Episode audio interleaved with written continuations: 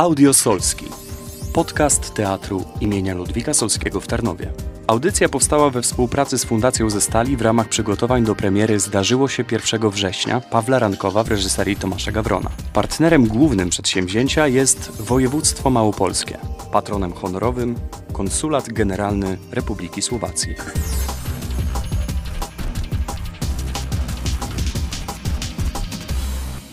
W naszej audycji czas na kolejnego gościa. Tym razem to Filip Kowalczyk, rocznik 91, absolwent Wydziału Aktorskiego PWST we Wrocławiu. Aktor teatralny, filmowy i dubbingowy. Od czterech lat związany z Tarnowskim Teatrem. Wśród swoich pasji wymienia gotowanie i czytanie książek, oczywiście w ciepłych kapciach. Zapraszam do wysłuchania rozmowy. Magdalena Zbylut-Wiśniewska.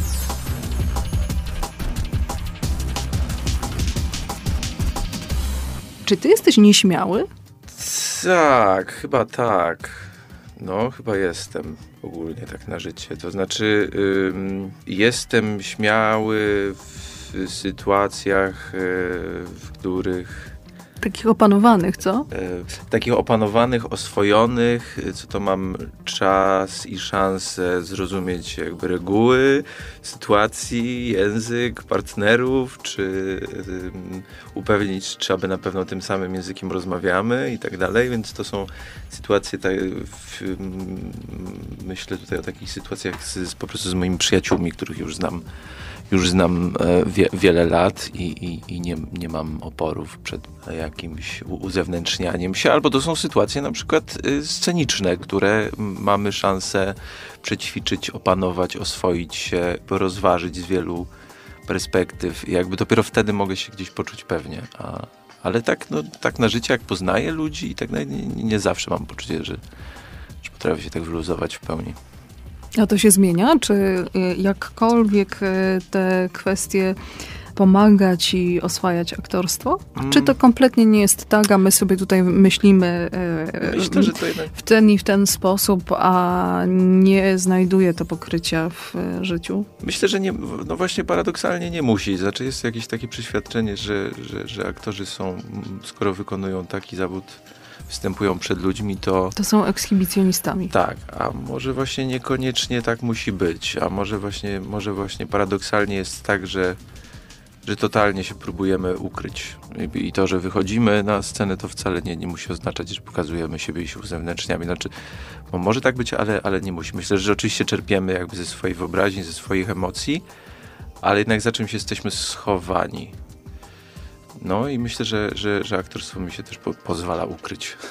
Poprosiłabym cię o takie rozłożenie na czynniki pierwsze Mhm. twoich myśli. Mhm. Jestem Filipem Kowalczykiem, który ustaliliśmy, że jest nieśmiały, Tak.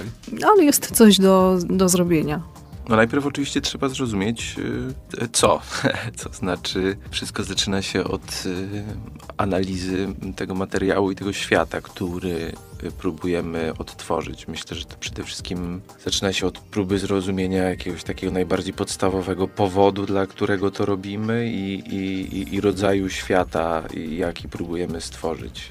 y, Zrozumienia jakby języka, którym się będziemy próbować posługiwać. W związku z tym też później jakby środków aktorskich, które odpowiednio do danego świata, do danej estetyki, do danego języka trzeba dobrać. Więc y, to się zaczyna od tego. Ogromną rolę ma, ma w tym wszystkim reżyser. To znaczy myślę, że to jest cz- człowiek, który w ogóle determinuje całe moje działanie. W ideale to się niestety nie tak często zdarza. To jest też bardzo trudne.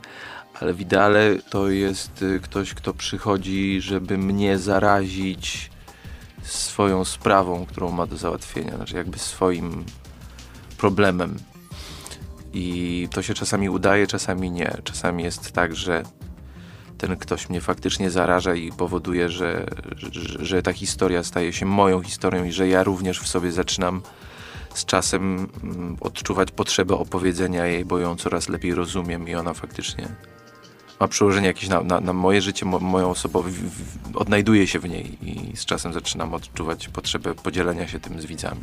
Czasami jest tak, że po prostu ktoś tłumaczy mi reguły świata i, i, i daje konkretne zadania do wykonania. To jest wtedy trochę bardziej warsztatowa praca, ale też, y, też jest to zawsze wyzwanie.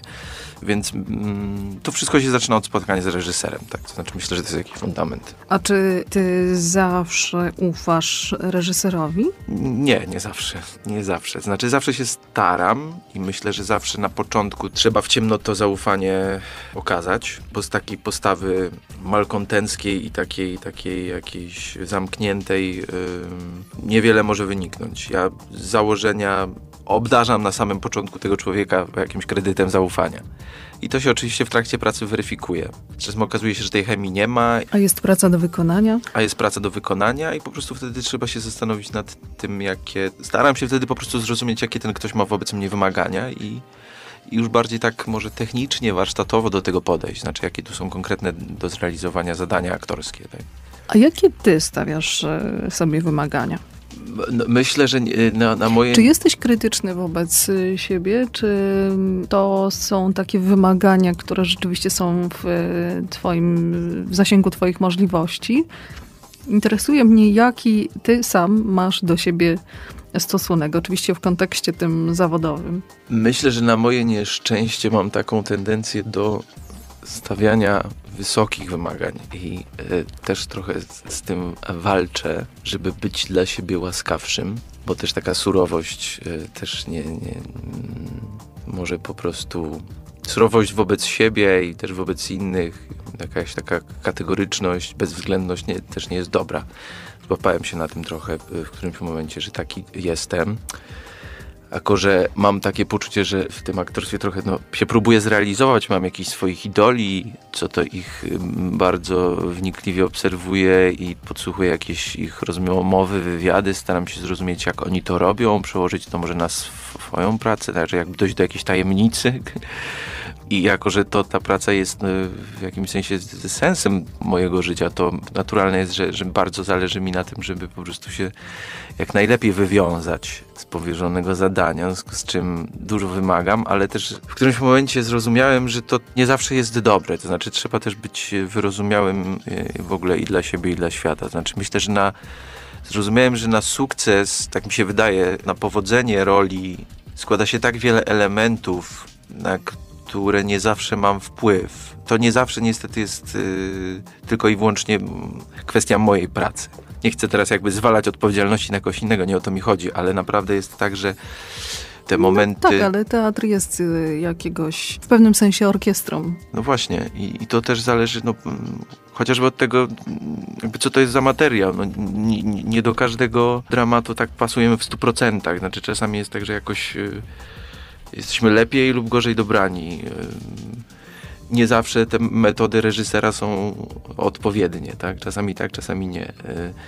No jest to gra po prostu zespołowa i trzeba po prostu zrozumieć, co zależy ode mnie, co nie zależy ode mnie i skupić się na tym, żeby to, co zależy ode mnie, było jak najlepiej po prostu zrealizowane, a całe, na całą resztę nie zawsze mam wpływ. Więc od pewnego czasu pracuję nad tym, żeby być po prostu też łaskawszym dla siebie, że może, może pewne rzeczy przychodzą też na późniejszym etapie życia. A może czasem te, które przyszły, były całkiem niezłe? Może też tak, tak jest, tak. Wspomniałeś o swoich idolach. Zaciekawiło mnie to, kto jest y, idolem Filipa Kowalczyka. Powiedziałeś, że sobie podglądasz pewne osoby, czytasz z nimi wywiady, zastanawiasz się, jak oni to właściwie robią, że są tacy, jacy są i osiągają to, co osiągają. Tych idoli jest faktycznie jest paru. Od dziecka byłem maniakalnym widzem. Zawsze oglądam bardzo dużo filmów. Od pewnego momentu też zacząłem intensywnie chodzić do teatru, więc, więc mam, ich, mam ich kilku. Jeżeli chodzi o polskich aktorów, no ja na przykład swoją pracę magisterską pisałem o Adamie Woronowiczu. Uważam, że to jest absolutnie wybitny, świetny polski aktor. Niezwykle wszechstronny. Wspaniały też człowiek. Przy okazji chciałem skorzystać z okazji stworzenia sobie możliwości poznania kogoś, kogo podziwiam i chciałbym właśnie poznać. E, I tak y, sytuację właśnie pisania pracy magisterskiej wykorzystałem. Myślę o Jacku Braciaku, myślę o pewnością Andrzej Chyra, że Robert Więckiewicz też, ale ja mam też takich idoli, to są amerykańscy aktorzy, których szczególnie lubię oglądać i to też tacy y, troszkę starsi. Takim niedoścignionym dla mnie przykładem jest chyba Marlon Brando, to, jest nie, nie, niesamowite jak się ogląda taki stary film jak Tramwaj zwany pożądaniem, ogląda się coś, co jeszcze dzisiaj mam wrażenie, że wielu aktorów miałoby trudność, żeby, żeby osiągnąć to, co, co, co jemu się udało w tak młodym wieku. Znaczy coś zupełnie paradoksalnego, polegającego na tym, że on właściwie czasami nie robi nic, a jest. A jest po prostu i to jest niezwykle intensywne, jakieś sugestywne, mocne i no jest chyba mistrzostwem bardzo trudnym do osiągnięcia. Przejdźmy może teraz do, do przedstawienia. Zdarzyło się 1 września Pawła Rankowa w reżyserii Tomasza Gawrona. Tobie przypada w udziale e, rola Gabriela Żyda. Chyba ciekawsza, jedna z ciekawszych na pewno. Tak, bez wątpienia. Jakoś tak się złożyło, że też mam wrażenie, że, że chyba z tych wszystkich trzech głównych postaci, to mam wrażenie, że też najbliższa mi. Że o tyle łatwiej jest może się w niego wcielić, że, że chyba trochę, trochę go bardziej rozumiem niż dwóch pozostałych. E, I się bardzo cieszę, że na niego trafiło. Bardzo trudna, bo obarczona bagażem jakichś potwornych, szczególnie trudnych doświadczeń, szczególnie trudnych ze względu na, na, na żydowskie pochodzenie. Wszyscy wiemy, co się w trakcie II wojny e, światowej działo z narodem żydowskim. On jest takim przedstawicielem w naszej historii tragedii po prostu tego narodu. I myślę, że jest dla mnie taką szansą na jeszcze głębsze wgryzienie się w ten temat. To znaczy, Tomek też y, cały czas poszerza moją wiedzę na temat kultury żydowskiej w ogóle, na temat też właśnie ich losów w trakcie wojny. Podsyła mi różne tytuły mm, różnych autorów, których sobie zgłębiam. Więc też się dodatkowo cieszę z tego, że to jest jakiś y, powód, żeby się w to troszeczkę bardziej zagłębić, bo myślę, że, że, że ogólnie, mm, ogólnie mnie to interesuje. To znaczy myślę, że temat w ogóle II wojny jest, jest na tyle intrygujący, na tyle też niestety straszny, że, że po prostu trzeba, warto o nim mm, się dowiedzieć jak najwięcej. A praca nad tym spektaklem właśnie daje mi możliwość, żeby się, no właśnie, żeby, żeby swoją wiedzę na ten temat poszerzyć. Jakie to będzie przedstawienie z Twojej perspektywy?